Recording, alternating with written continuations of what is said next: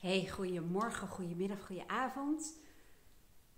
Als je mij een tijdje volgt, hè, mijn podcast, dan uh, weet je waarschijnlijk wel dat ik geen uh, script heb. Dat ik niet van tevoren bepaal waar de podcast over gaat. Um, maar dat ik meestal door iets wordt getriggerd of geïnspireerd, kan ik het beter zeggen. En heel vaak zijn het klanten van mij of uh, gaat het om, um, ik noem het dan heel vaak mijn eigen proces waarin ik zit of iets wat ik zelf meemaak. En um, heb ik een inzicht of ik gebruik een bepaalde methode of techniek die werkt en dan voel ik heel erg de drang om dat te delen. En dat is ook wel, misschien ken je Simon Sinek wel, van um, Start with Your Why. En dat is heel erg um, in lijn eigenlijk met je missie. En missie is zo'n containerbegrip, um, maar voor mij is dat wel heel kort samengevat natuurlijk. Ja, de reden waarom je doet wat je doet. En dat als je dat doet, dat het ook voelt um, dat je volgens je waarde leeft. En ook je kwaliteiten gebruikt. En jou als unieke persoon, om het zo te zeggen. En vandaag had ik ook zo'n moment en dacht ik, ja, ik voel heel erg die uh, intentie om een video op te nemen in dit geval, die ik ook als podcast zou plaatsen. Maar ik weet eigenlijk niet precies waar het heen gaat. Maar ik weet wel de reden waarom ik het wil doen, is om jou, als jij dit luistert of kijkt, hoop en vertrouwen te geven. En hopelijk een beetje hou vast. En even een kort stukje.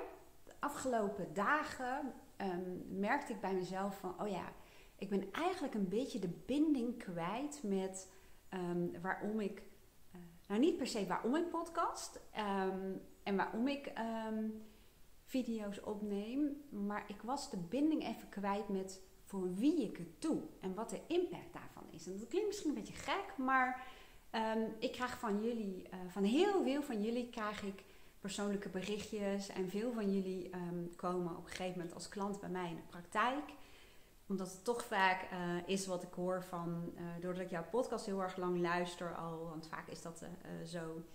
Um, ja, dan krijg ik gewoon echt een gevoel dat ik jou ken en raak vertrouwd met je. En dan voel je of er een klik is of niet. En dat is vaak een samenhang met het lezen natuurlijk van mijn website. Um, dus ik weet van veel van jullie wel waarom jullie mijn podcast luisteren en waarom jullie mijn video's luisteren of bekijken. En ook wat het doet, wat het je brengt. En ik ben zelf ook een vervent podcastluisteraar en um, uh, videobekijker. nou, dat heeft denk ik niemand op zijn Instagram staan. Videobekijker. Maar je snapt wat ik bedoel.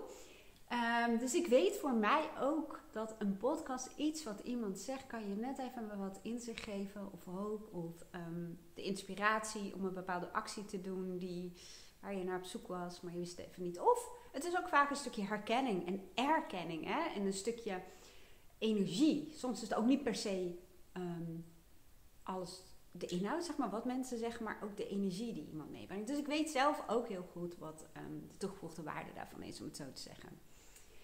Maar uh, ja, het klinkt nu echt heel raar misschien. Ik, ik weet ook niet hoe ik het moet zeggen, maar ik ben natuurlijk al best wel lang aan het podcasten. En uh, als ik dat um, elke dag gewoon doe, dan kom ik ook in de Nederlandse uh, nou ja, top zoveel lijst en de Belgische uh, top zoveel lijst. Um, en eigenlijk van Nederlandse podcast, maar ook Amerikaanse podcast. Nou, maakt allemaal niet uit wat erin zit, maar dan kom ik hoog in de charts, zullen we maar zeggen. Dus ik weet heus um, dat de podcast veel geluisterd wordt. En ik hoor dat ook van heel veel mensen. Maar nogmaals, het klinkt een beetje idioot, ik weet het. Maar op een gegeven moment raak je daar ook een soort van aan gewend. En zat ik denk ik een beetje in de fase waarop het vanzelfsprekend werd. En niet vanzelfsprekend in de zin van dat ik het niet waardeer en dat ik er niet dankbaar voor ben. En dat het, um, ja, dat, nou ja, dankbaar is misschien het goede woord, dat ik dat kan betekenen. Maar uh, ja, het wordt een soort van gewoon of zo. Ja. Ik had het ook met toen ik ging beginnen voor mezelf. Dacht ik, toen ik nog in Lonisch was, hoe ga ik klanten krijgen? Dat ik echt dacht, en in het begin zat ik echt vernieuwen, vernieuwen. Om te kijken of er nieuwe mailtjes binnen waren gekomen en aanvragen. En er komt op een gegeven moment zo'n moment dat je, ehm, gewoon je um, voicemail in laat spreken of een wachtlijst hebt. Ehm, of dat je denkt, oh mijn god, hoe ga ik dat nog allemaal plannen? Dan is het eigenlijk een soort van gewoon geworden dat iedereen je maar weet te vinden. Ik weet nog wel, in het begin had ik een Google advertentie, heb ik nog steeds hoor. Maar uh, dan moet je targeten. Dan moet je eigenlijk um, uh, bijvoorbeeld ook aangeven uh, binnen welke straal van jouw praktijk, zeg maar, wil je dat de advertentie getoond wordt. En in het begin dacht ik, ik doe gewoon Apeldoorn en ik weet het niet of, of het 10 of 15 kilometer eromheen was. En um, nou, op een gegeven moment dacht ik, oh er komen eigenlijk best wel veel mensen. Laat ik eens een keertje zeggen 40 kilometer eromheen. En op een gegeven moment dacht ik, ik pak Gelderland gewoon. En waarom ook niet Rente? En op een gegeven moment dacht ik, ik target gewoon op heel Nederland. Want toen kwamen ze, ik heb vooral veel klanten, heel grappig ook wel, die uh, meer vanuit het westen, Rotterdam, Den Haag, Friesland, Limburg, um, kleine plaatsjes in Brabant, België, uh, die gewoon hier naartoe komen. En um, daarna ben ik België erbij gaan pakken. En ik heb heel veel Belgische klanten. Hè. De meeste doen online, maar er zijn ook wel mensen die hier naartoe komen. Een hotelovernachting bijvoorbeeld boeken. Maar in het begin had ik dat natuurlijk nooit kunnen bedenken. En op een gegeven moment wordt het normaal. Nogmaals, het impliceert niet dat ik niet dankbaar ben, want dat ben ik nog elke dag. Ik ben nog steeds gewoon super fijn, want um, ja, die mensen komen bij je met name omdat ze een klik met je voelen. Ja, want dat is het belangrijkste. En natuurlijk moet je een goede coach zijn, maar uh, ik ben niet voor iedereen een goede coach, laten we het zo zeggen. Zeker niet voor mensen die geen klik met mij voelen. En ook niet voor alle vraagstukken, maar dat even terzijde. Maar het wordt uh, een soort van nieuwe norm. En ik had dat een beetje met mijn podcast en video's. En dan meteen gaat het over jou, hè, want dat is natuurlijk de intentie. Maar om even aan te geven. Ik um, merkte dat voor Mindshifters was ik heel erg bezig met het opnemen van filmpjes. Om um, de Plugin Guide, dat is een betaalde podcastserie die je gaat kijken. Bijvoorbeeld als je moeite hebt om um, te zeggen wat je echt vindt. Omdat je lastig vindt dat andere mensen misschien daar iets van zullen vinden of misschien is het wel dat je juist iets vindt wat compleet afwijkt. Als je kijkt naar andere mensen, vind je het lastig, vind je het moeilijk om nee te zeggen. En ik weet waarom ik die heb gemaakt. En eerlijk gezegd weet ik dat die gewoon goed is. Want dat kan ik naar zoveel ervaring natuurlijk op een gegeven moment ook wel zeggen. Maar ik ging een beetje in het verkopen zitten. Ik had een soort van bam missie. Ik moet uh, dat veel verkopen en bla bla bla. Dus, hè? Maar daardoor um, raak je een beetje de feeling kwijt met degene, jij, die, um, die er baat bij heeft. En dat had ik met de podcast ook. Van, ik, ik was even kwijt met wat heeft het eigenlijk voor impact voor mensen? Wat hebben we er ook alweer aan? Ik, ik wist het wel, maar ik voelde hem niet meer. Kun je je dat voorstellen? Dan komt het niet meer zo goed binnen of zo. Dan vind ik het leuk als mensen dat zeggen, maar het is ja. En dat is de reden. Vanmorgen kwam er iemand, um, mijn oudste klant is 78 en deze uh, was, um, of um, toen ze bij mij kwam, 73 zo, 74 bijna. En die luistert dus mijn podcast. En ik weet dat jij waarschijnlijk nu ook luistert. En ik was zo ontroerd. Heb je misschien helemaal niet in de gaten gehad en misschien ook wel. van de diepe bewondering sowieso. Uh, diegene als die kijkt je bent echt een rolmodel voor mij. Dat je, ik vind het echt fantastisch dat je ook op zo'n leeftijd gewoon nog zoveel drive hebt en levenslust en uh, wil leren, ontwikkelen. En ik vind het zo bewonderingswaardig en ik, ik vind het, ik kijk daar echt naar op. Ik, dat, dat, dat, dat stimuleert mij altijd heel erg ook om. Net als mijn buurman, die is in de tachtig en die is nog van alles aan het doen. En aan het ontwikkelen, aan het maken. Ik vind het zo inspirerend. Maar wat ik daarmee wil zeggen, ze uh, vertelde, ik ga nooit in op de inhoud, hè, en, uh, niet uh, dat mensen vertellen, maar ehm, ze noemde bepaalde podcasts nummers en de aantekeningen die ze had gemaakt en wat ze eruit haalt. Dat het ook een houvast is. En toen dacht ik, ah, maar nu voel ik hem weer. Ik voel weer heel goed en diep van binnen van waarom ik zoveel idioot veel tijd steek in een podcasten en video's opnemen, omdat het moet. Omdat het onderdeel is van de missie. En omdat ik weet dat ik ben eigenlijk alleen maar um, degene die ik zelf in mijn leven heel vaak had willen hebben. Of ehm, die ik zelf ook gewonnen heb. Vaak waren het bij mij in mijn tijd. In mijn tijd. Ik zo, waren het vooral boeken. Maar ik weet hoe fijn het kan zijn als mensen dingen herkennen. Of je even op weg helpen. Of net iets zeggen waar je op dat moment zo erg behoefte aan had. En doordat ik dan met iemand zit in een sessie en iemand is dan open en, en die vertelt echt waar hij of zij um, mee bezig is en last van heeft en wat het geluk in de weg staat, dan wauw, dan voel je zo weer die betekenis. En ja, misschien denk je, wat heb ik hier nu aan te luisteren? Maar ik wil je maar zeggen ook van, ik denk dat um, hoe moet ik dat nou zeggen? Poeh. Ze zeggen ook altijd, het begint met het waarom. Dat zeg ik zelf ook altijd. Hè? Uh, maar soms kan een deel van jou in je bus het over gaan nemen. Zoals in mijn geval in die Mindshifters plugins is een deel van mij een pusher, denk ik. Die wilde bam bam zoveel mogelijk plugins verkopen.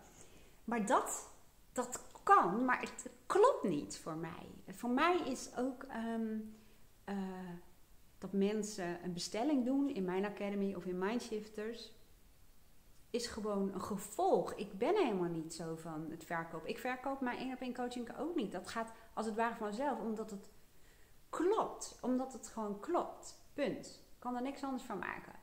En dan zie je dat een deel gaat zich ermee bemoeien maar dan voel je niet meer waarom je het echt doet. En daar ga ik zo meteen een bruggetje naar maken. Want daarvoor zit jij waarschijnlijk ook te wachten. Want ik wist niet waar deze podcast heen ging, hè, maar dat weet ik meestal niet. En misschien knip ik het stukje van hiervoor ook nog wel even af. Dan maak ik er twee. Dat is misschien wat handiger. Ehm, omdat ik weet dat jij, die misschien nu zit te luisteren of te kijken, ik weet niet waar jij, waar jij zit. Ik weet niet hoe het met je gaat. Misschien verkeer je wel in een crisis. Misschien weet je echt niet meer wat je wil. Misschien zit je in een relatie die misschien jaren als het ware gediend heeft en begin je aan alles te twijfelen. En weet je het gewoon niet meer. En vind je het lastig omdat er zoveel speelt, omdat het niet alleen maar gaat over jou. Maar misschien gaat het ook over het schuldgevoel dat je hebt naar een partner, het niet zeker weten of het goed is of niet goed is om te blijven of te gaan. Misschien zijn er wel kinderen bij betrokken. Misschien praktische zaken zoals, ja, maar kom ik dan niet in een flatje drie hoog? Niet mijn woorden, maar dat zeggen heel veel klanten, zeg maar. Ik heb heel veel relatiecoaching gedaan namelijk. Misschien ehm, overzie je het momenteel gewoon echt helemaal niet meer. Misschien gaat het wel alle kanten op. En ehm, misschien ben je inmiddels ook wel uitgeput. Want veel van mijn uh, klanten zijn uh, piekeraars, denkers. En niet piekeraars, um, ja, piekeraars misschien het goede woord, maar wel mensen die veel in het hoofd zitten. Die veel aan het denken, denken, denken, denken, denken, analyseren. Er zijn scenario's aan het uitdenken zijn, maar vooral in het hoofd zitten. Misschien ben je inmiddels wel zo ongelooflijk moe. En heb je het gevoel dat je een beslissing moet forceren, maar dat je hebt geen idee wat nou goed is. Heel veel mensen ook, wat moet ik dat nou doen? Moet ik dit doen? Moet ik dat doen? Wat moet ik? En als mensen dat al zeggen, dan weet ik dat dat, dat kan heel lang doorgaan, dat gemoed. Want je bent dan niet in contact met jezelf. En ehm, ik wil alleen maar zeggen, als je nu in een fase zit waarin je het niet weet, waarin het allemaal misschien te veel is, te overweldigend, Misschien ben je wel super moe of uitgeput of heb je burn-out klachten. Ik zet wel even wat linkjes hieronder die echt niet alleen maar handig zijn voor jou. Om te weten wat gebeurt in je brein en je lichaam. En wat gebeurt er mentaal, maar ook ehm, in je bus. Want als je moe bent kun je vaak geen heldere beslissingen nemen. En weet je het ook vaak niet meer. En als je moe bent kan je vaak ook niet aangeven wat jij nodig hebt. je weet het vaak gewoon. Je weet niet wat je wil. Ehm, en een ander kan vaak ook niet begrijpen wat er in jou gaande uh, is. Dus ik zet hieronder bij een paar linkjes over oververmoeidheid, burn-out klachten, um, het even niet meer weten, een kort lontje hebben, je in jezelf terugtrekken. Misschien dat je daar wat aan hebt, maar misschien, um, nogmaals, zit je in een soort van crisis of weet je inderdaad niet wat je wil of wat je zou moeten doen.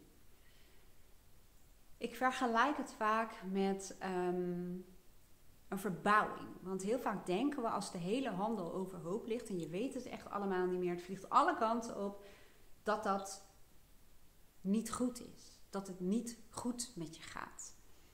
Maar, en dat is natuurlijk ook wat mindshiften is, en dat is ook um, wel een kenmerk van mijn coaching om dingen vanuit verschillende perspectieven te bekijken. Vooral even een ander perspectief van het perspectief wat jou niet verder helpt.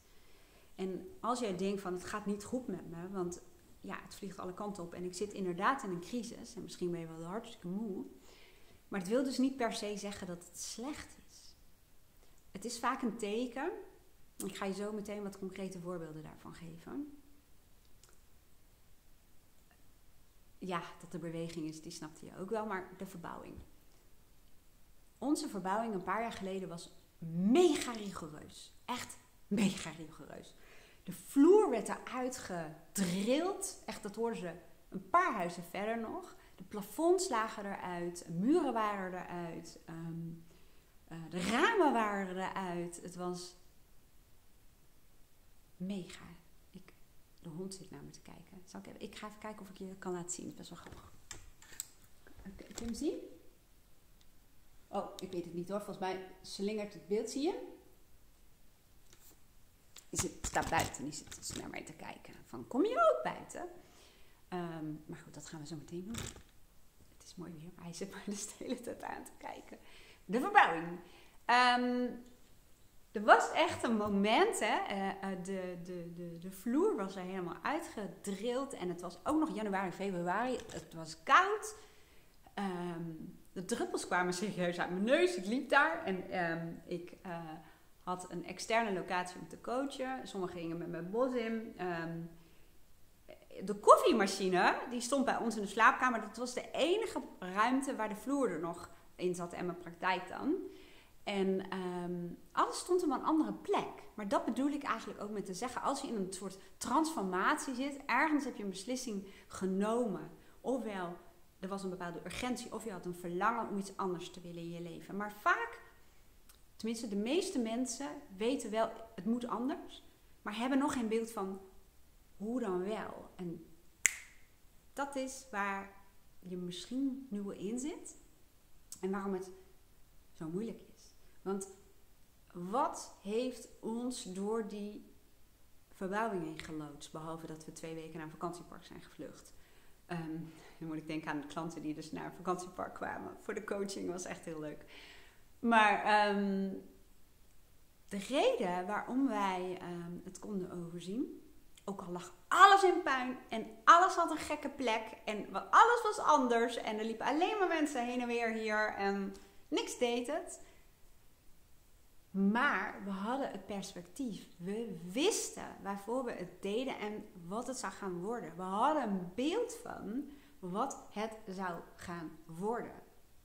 En dat is vaak het verschil met waar jullie zitten en waarom het zo, jullie bedoel, hè, als je dit herkent, anders was je misschien niet meer aan het luisteren.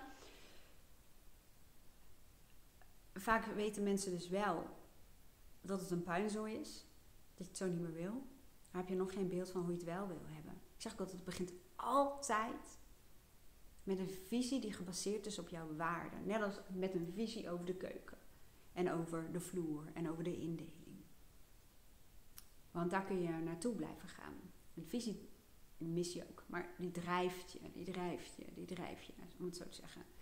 En um, dat is ook altijd mijn eerste taak, om je daarmee te helpen. Maar ik wil daarmee zeggen, um, het kan maar zo zijn dat juist als je het gevoel hebt dat het echt allemaal een beetje chaos is, alle kanten op vliegt, dat het komt omdat er eerst heel veel oude dingen afgebroken moesten worden die niet meer voor jou functioneerden. Misschien hebben ze ooit wel gefunctioneerd, waarschijnlijk wel. En dat je het op gaat bouwen nu op een manier die echt bij je past. Die ervoor zorgt dat het leven nog leuker en mooier en zinvoller en betekenisvoller gaat worden. Zelfs als je in de 70 bent. Juist als je in de 70 bent. Maar dat voelt nu niet, want nu is het gewoon KUT. Um, ehm, waarschijnlijk. Helemaal als je nog moe bent.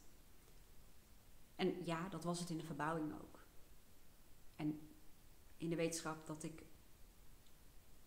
twee oogschijnlijk verschillende kanten heb. Het ene is heel erg wil van het avontuur en de spontaniteit en geen sleur.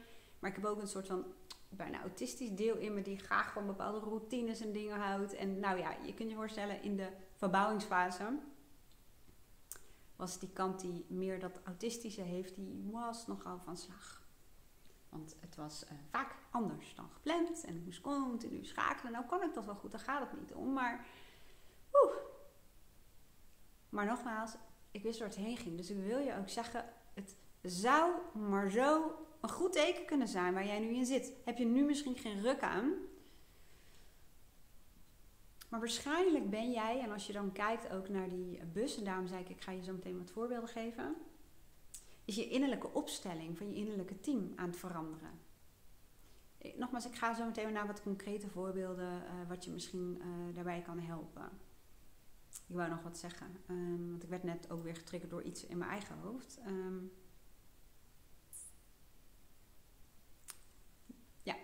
Ik weet het niet meer, maar het maakt ook niet uit. Ehm, ik ga gewoon naar de voorbeelden. Want stel je voor, jij ehm, hebt bij jezelf gemerkt dat je er eigenlijk helemaal klaar mee bent om maar ehm, steeds te doen wat anderen van je verwachten. Of om de lieve vrede te bewaren. Of om voor anderen te zorgen, anderen misschien zelfs te redden, dingen over te nemen altijd maar degene te zijn die ehm, dingen ziet, die een ander niet ziet. En nooit rust hebt, altijd aan moet staan en beschikbaar bent. En het houdt gewoon nooit op. Je bent altijd maar druk en je hebt gewoon nooit tijd voor jezelf. Je wil het wel, maar er is altijd iets of iemand die iets van je wil. Noem maar wat, hè. Eigenlijk zou je kunnen stellen dat bijvoorbeeld iemands pleaser of innerlijke redder of verantwoordelijke kant heeft heel lang aan het stuur gezeten en de regie gehad. En op een gegeven moment gebeurt er iets, dan wordt het urgent of er is een groot verlangen. Dat doet er voor dit voorbeeld niet zo toe. Maar je merkt, het kan gewoon niet meer zo. Nou, en dan krijg je, als we het hebben over uh, verbouwing, dan zie je vaak dat er eindelijk ruimte komt voor een gezonde egoïst die al die tijd achter in jouw bus heeft gezeten. Die pleaser zat aan het stuur en die gezonde egoïst zat achterin. Uh, maar kijk mijn gezicht. Die zat achterin en die, die zit achterin die uh, bus en die hoort van... Ze doet allemaal dingen die ze niet wil. Ze zei dat ze tijd voor zichzelf ging nemen. Ze wilde het eigenlijk helemaal niet. Ze zegt niet wat ze vindt. Of um, gaat ze alweer iemand helpen? En gaat ze alweer haar eigen dingen aan de kant zetten? Uh, is alweer de sigaar, zeg maar waar dat ook vandaan mogen komen. Ik noem maar even wat. Hè. Dus die baalt als een stekker, want die zit achter in de bus, die mag niet meedoen, maar die is wel getuige van dit alles. En dat is wat er vaak gebeurt als iemand dan bijvoorbeeld heel moe is, hè, of in een ontwikkelingsconflict komt, zoals dat dan zo mooi heet in de psychologie, dan ehm, kan het dus zijn dat in één keer de gezonde egoïst die schiet naar voren in die bus, handen worden heel groot dan, en um, die gaat dikwijls aan het stuur zitten. Maar kun je je voorstellen dat een gezonde egoïst, die al die jaren misschien wel, misschien wel je hele leven, zijn mond heeft moeten houden, die heeft natuurlijk, die, die energie is gaan stapelen. Hè? Die heeft dat allemaal ehm, op kunnen bouwen. Dus er zit vaak heel veel woede en heel veel frustratie. Daarom zegt ze ook, dan wordt zo'n kant demonisch. Dan ehm, schiet hij door. En als die gezonde egoïst doorschiet en aan je stuur zit, ah, dan ziet hij allemaal dingen in één keer die al die tijd laten liggen. Die gaat zich aan heel veel mensen irriteren en ehm, ja, misschien heel erg nee zeggen. Ik wil dat allemaal niet meer. En um, alles ter discussie stellen. Misschien ja, wat eerder goed leek te zijn of goed genoeg leek te zijn. Ehm, die gaat dat nu allemaal ter discussie stellen. En relaties ter discussie stellen.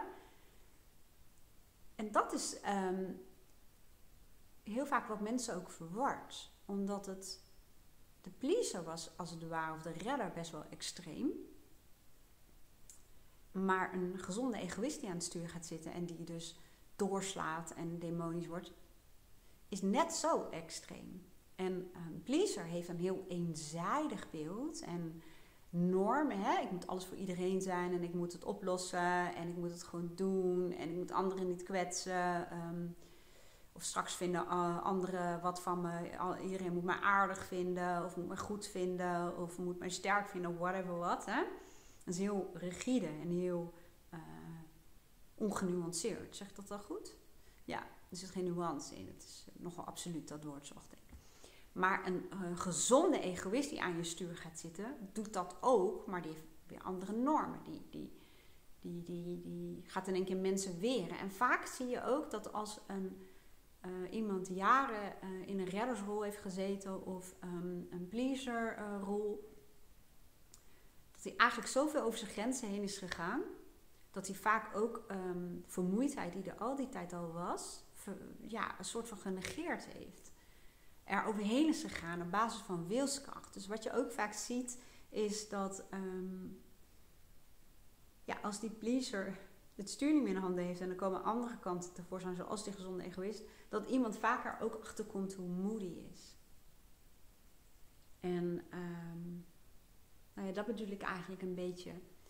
Je innerlijke team, die heeft een bepaalde opstelling gehad. Hè, die heeft op een bepaalde manier in jouw bus uh, is die opgesteld geweest. En blijkbaar heb je ergens een beslissing genomen, bewust, onbewust, of was het urgent. En ja, is je hele bus aan het schudden.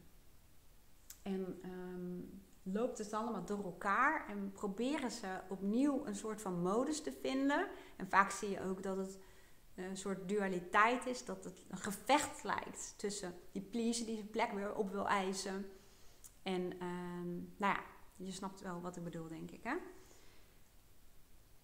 En waarom voelt het zo overweldigend? Dat voelt zo omdat je dan op dat moment waarschijnlijk nog steeds niet zelf aan het stuur zit. Want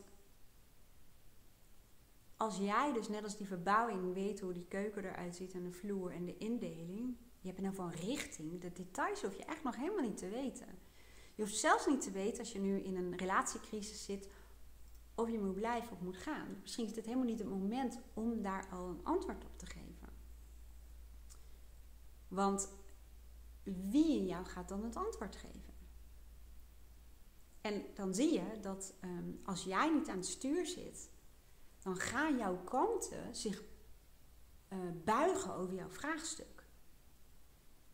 En dan vliegt het letterlijk alle kanten op. Want de ene kant die vindt dat je het niet kan maken om zo lang een relatie maar aan de wilgen te hangen. En straks dan maak je de verkeerde keuze. Of als je kinderen hebt, dan um, moeders zeggen dat vooral, dan uh, maak ik het gezin kapot. En dan kom ik straks drie hoog in een flat en uh, vinden de kinderen fijn. Of ja, schuldgevoel, verantwoordelijkheidsgevoel. Uh, maar dan komt er weer een andere kant die zegt: ja, maar het wordt tijd om voor jezelf te kiezen. En uh, je moet altijd alles alleen doen. En je gaat niet gelukkig worden. Of heel vaak is er ook nog een verliefdheid in het spel. Wordt het vaak nog wat ingewikkelder. Maar um, zo gaat het heen en weer in jouw bus en in je hoofd. Dus hè, met al die kanten die er wel iets over vinden, die hun zegje willen doen. Maar dat komt omdat jij op dat moment nog steeds niet de regie hebt. En hoe pak je de regie? Ja, dat is, hele, uh, dat is de hele kern van mindshifters.nl en, en van mijn coaching ook. Hè? Dat is bewustzijn. Dat is um, ja, weten waar je voor staat en weten waar je voor gaat. En dat gaat niet over exact weten wat je wil en weten wat je wil als het gaat om je relatie, weten wat je wil over je leven. Ook nog niet dat je exact weet wat goed is voor jou, maar het gaat wel om richting. Als jij weer aan het stuur gaat zitten en de richting bepaalt, Jij hebt dan de regie, jij bent dan de leider. En dan zou jou, zal jouw innerlijke team veel makkelijker in een opstelling terechtkomen die jou dient. Want het is een team wat jou faciliteert. En dat doet het onbewust ook. Klinkt een beetje gek, maar ook al heb je last van jouw innerlijke pleaser,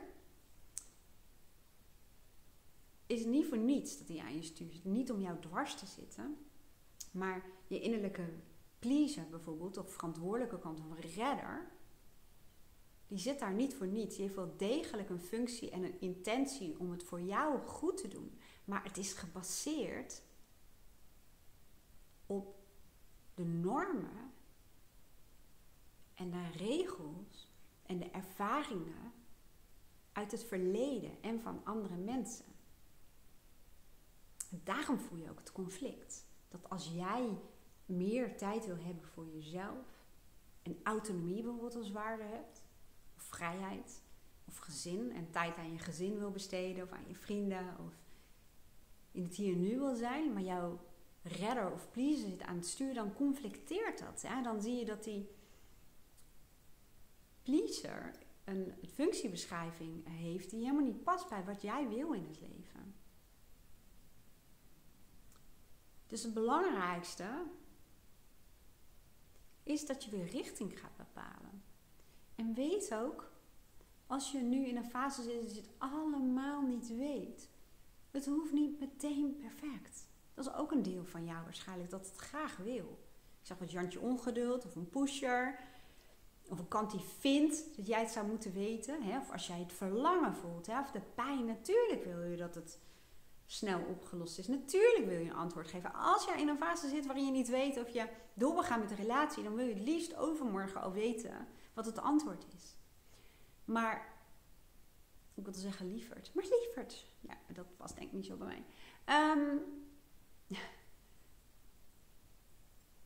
maar je hoeft niet alles nu al te weten. En het is een proces. Dat zeg ik ook heel vaak tegen mezelf. Het is een proces.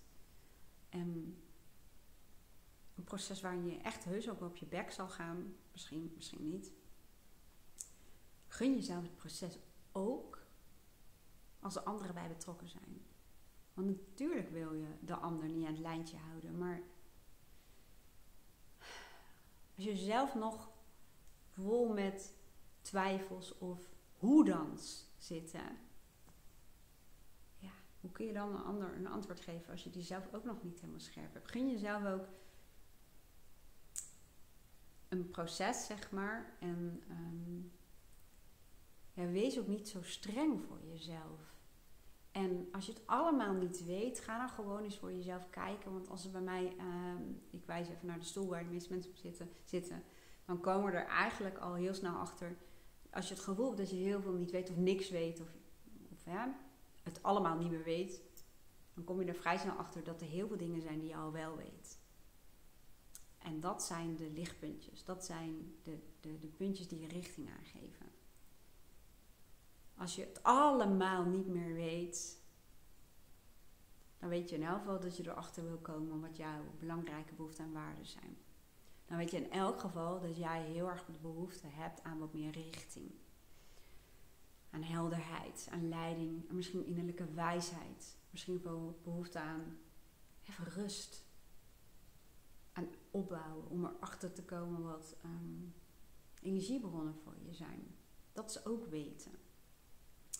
En in het niet weten, uh, ja, ontstaan ook vaak dingen. Dat klinkt echt als zo'n wc-tegeltje, maar uh, ja, dat is het nou eigenlijk wel. Nou, ik hoop dat het ergens heen gaat. Wat is nou de intentie van deze podcast en video? Nou, het belangrijkste is, er is hoop. En ja,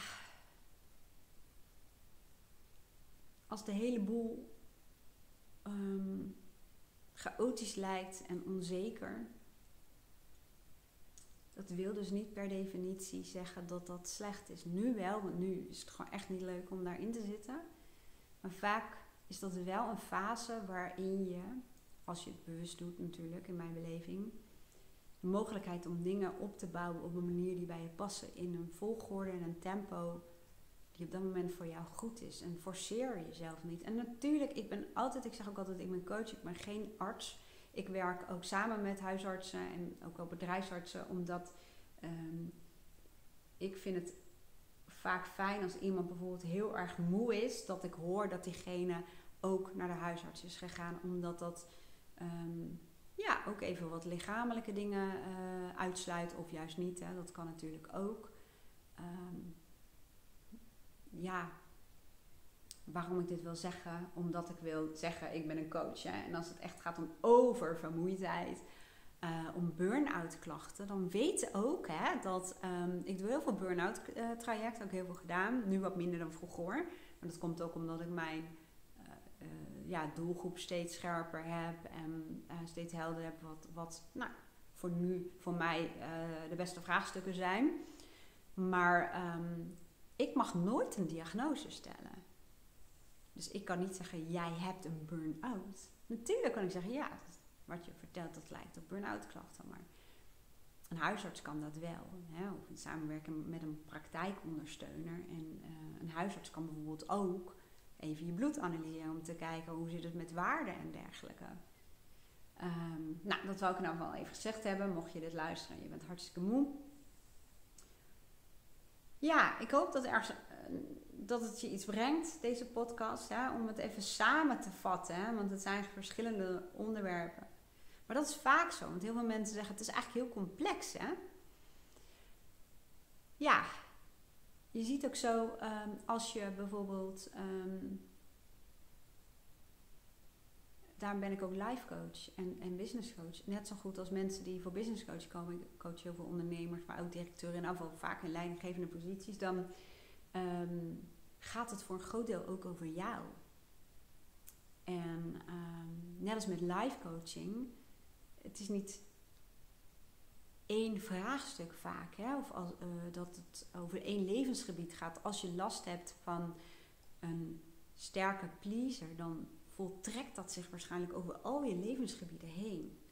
Om het zo te zeggen. Dus het, en vooral dat hele innerlijke team, al die verschillende kanten, dat maakt ook dat het voelt alsof het heel complex is. Heel veel mensen zeggen ja, want um, ik weet niet wat ik wil met mijn relatie.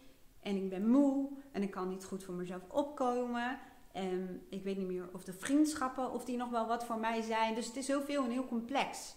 Dat lijkt zo, maar als ik ga coachen, dan zie je dat er zo'n enorme logica is. Dat dingen zo logisch zijn waarom, uh, ja, waarom er nu dingen spelen in je leven.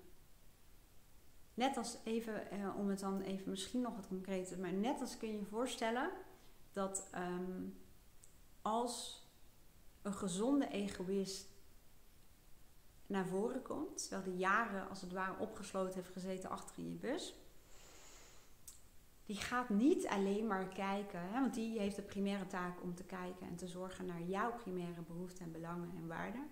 Die gaat niet alleen maar kijken naar jouw werk, hè, van is er nog wel wat voor jou? En, ehm, nou, dat. Maar die kijkt ook naar jou van um, nou, je moederschap bijvoorbeeld. Hè, van moet jij wel je zo opofferen? Die kijkt ook naar je relatie. Die kijkt ook naar je vriendschappen. Die kijkt naar allemaal patronen waarin eerder die pleaser bijvoorbeeld heel erg leidend was. En je gezonde egoïst gaat dat allemaal ter discussie stellen zo zie je al, want dat is natuurlijk ook de kern van mindshiften, dat een ander perspectief kan echt zoveel verschil maken. Dat kan alles veranderen. Ik zeg wel eens de waarheid verandert al door er anders naar te kijken. Net als, misschien een beetje een gek voorbeeld. Um, hè, vroeger werd aangenomen dat de aarde plat was. Maar op basis van die aanname heb je logische gevolgtrekkingen, zoals ze dat zo mooi noemen. En Um, ja, alles is gebaseerd op het idee dat de aarde plat is. Maar op het moment dat ze erachter komen dat de aarde rond is, of dat de zon niet om ons heen draait, maar wij uh, om de zon, dan veranderen alle logische gevolgtrekkingen die eerder logisch leken, maar het niet meer zijn. Nou, ik weet niet of ik het nu heel abstract maak. Uh, misschien wel, misschien niet. Misschien ben je er lang afgehaakt, dat kan natuurlijk ook. Mm. ja, eigenlijk denk ik nu voor mezelf. ehm, voor mij geldt in elk geval dat als je in contact staat met. Ja, dat klinkt gek. In contact staan. Hoe kun je nou in contact staan? Moet je je missie even bellen? Hallo, missie, eh, ben je er nog? Nee, in contact staan met je missie. Nou, wat een afschuwelijke zin zeg. Ehm ehm, ehm, hoe ga je dat zeggen? Dus soms voel je het even niet meer. Wat nou je waarom is en, en je missie. Waarom, waarom ben je? En hoe verrijkend het kan zijn als je dat wel weer weet. Daardoor gaan dingen ook kloppen. Het klopt weer. Je krijgt er energie en passie door. Dus nou, als ik dan even kijk van ja, wat kan jij daarin hebben en hoe kan jij dat doen? Ja, voor mij moet ik zeggen, dat is altijd mijn basis, mijn evaluatiepunt, mijn vertrekpunt. Dat zijn mijn persoonlijke waarden. Weten, ik weet wat mijn waarden zijn, maar ze ook weer voelen. En het weer betekenis geven en het even opfrissen. En dat bedoelde ik eigenlijk ook in contact komen met mijn waarden. Gaat ook over mezelf dat weer even herinneren. En door dat te doen, dan heb je ook weer ehm, je visie meer helder. je doel, je intentie, je missie daarmee. Dat zegt ze ook, als je nergens voor staat, dan val je overal voor. Ja, dat. En dat als je nu in een fase zit waarin je het allemaal niet weet, misschien hartstikke moe bent, um, overweldigd bent, uh, het schiet alle kanten op. Het kan zijn ja, dat het echt niet goed is, maar het kan ook zijn dat er juist heel veel in jou aan het herpositioneren is en aan het zoeken is naar een nieuwe modus. Misschien is het zo dat je helemaal niet een punt moet zetten achter je relatie, maar zijn jullie in een fase waarin jullie een nieuwe modus moeten vinden. Want de dynamiek die tussen jullie misschien functioneerde, nu niet meer. want je gaat een andere koers varen. Net als een bedrijf dat een andere koers gaat varen, die zal qua organisatie ook moeten gaan herorganiseren. En dat is ook een fase waarin uh, veel weerstand ontstaat. Waarin mensen onzeker zijn, gedoe. Uh, sommigen willen terug naar wat het was, anderen willen door. Um, er is even uh, chaos, om het zo te zeggen. Maar het kan goed zijn. Maar ze zeggen ook, niet ze, maar ik zeg vaak onrust is gewoon energie dat geleid wil worden. Dus het belangrijkste kernpunt, denk ik, ook van god, maar wat kan ik nou zelf doen? Ga je richting weer bepalen. Het kan op zoveel manieren. Ik heb er ook een cursus, eh, een korte cursus, omdat het ook vaak uh, is dat dat dat je dat moet kunnen doen in een fase waarin je misschien wel moe bent. Ik zet wel even die link hieronder. Uh, dat kan door coaching. Dat kan ook zijn door lekker zelf even bezig te gaan en tijd voor jezelf te nemen en te erkennen dat um, dat nu je hoogste prioriteit heeft. Nou, ik hoop dat je er wat mee kan. Ik zou het echt super leuk vinden om, um, nou ja, te horen als mijn podcast iets doet voor je, als je er iets uithaalt, als het je inzichten geeft, misschien heb je wel erkenning of herkenning. Laat het me weten. Ik zou ook echt door jou heel erg geholpen worden. Ik heb jou ook echt nodig om um, te zorgen dat mijn podcast een steeds groter bereik krijgt. Daar heb ik jou voor nodig. Want um, er zit heel algoritme achter. Dus natuurlijk de luistertijd. Alles is bepalend wat um, bijvoorbeeld Google of Apple of Spotify of YouTube doet. Hè? Van als het veel geluisterd wordt, dan zal het um, getoond worden bij mensen die er mogelijk ook iets aan kunnen hebben. Maar wat ik ook nodig heb en gewoon leuk vind, doe even een duimpje of abonneer je. Of uh, geef op Spotify en op Apple, weet ik niet precies hoe dat moet, maar een review. Superleuk als je een tekstje bij schrijft, maar dat hoeft helemaal niet. Je kunt ook uh, zo'n, um, hoe noem je dat, zo'n ranking geven. Dan heb je een aantal sterren. Dus laat even weten hoeveel sterren je mijn podcast waard vindt. Hele kleine moeite voor jou. En um, Apple en Spotify vooral, eh, die weten er oh, het wordt gewaardeerd. Dus we gaan kijken of er nog meer mensen geïnteresseerd zijn of waar eh, die hier iets aan kunnen hebben. Dus als je dat voor mij wilt doen, ben ik je super dankbaar. Nou, ik kan wel zeggen, het komt goed. Maar ehm, dat is ook vaak zo. Nou, dat. Ik wens je een hele mooie dag en heel graag tot de volgende podcast.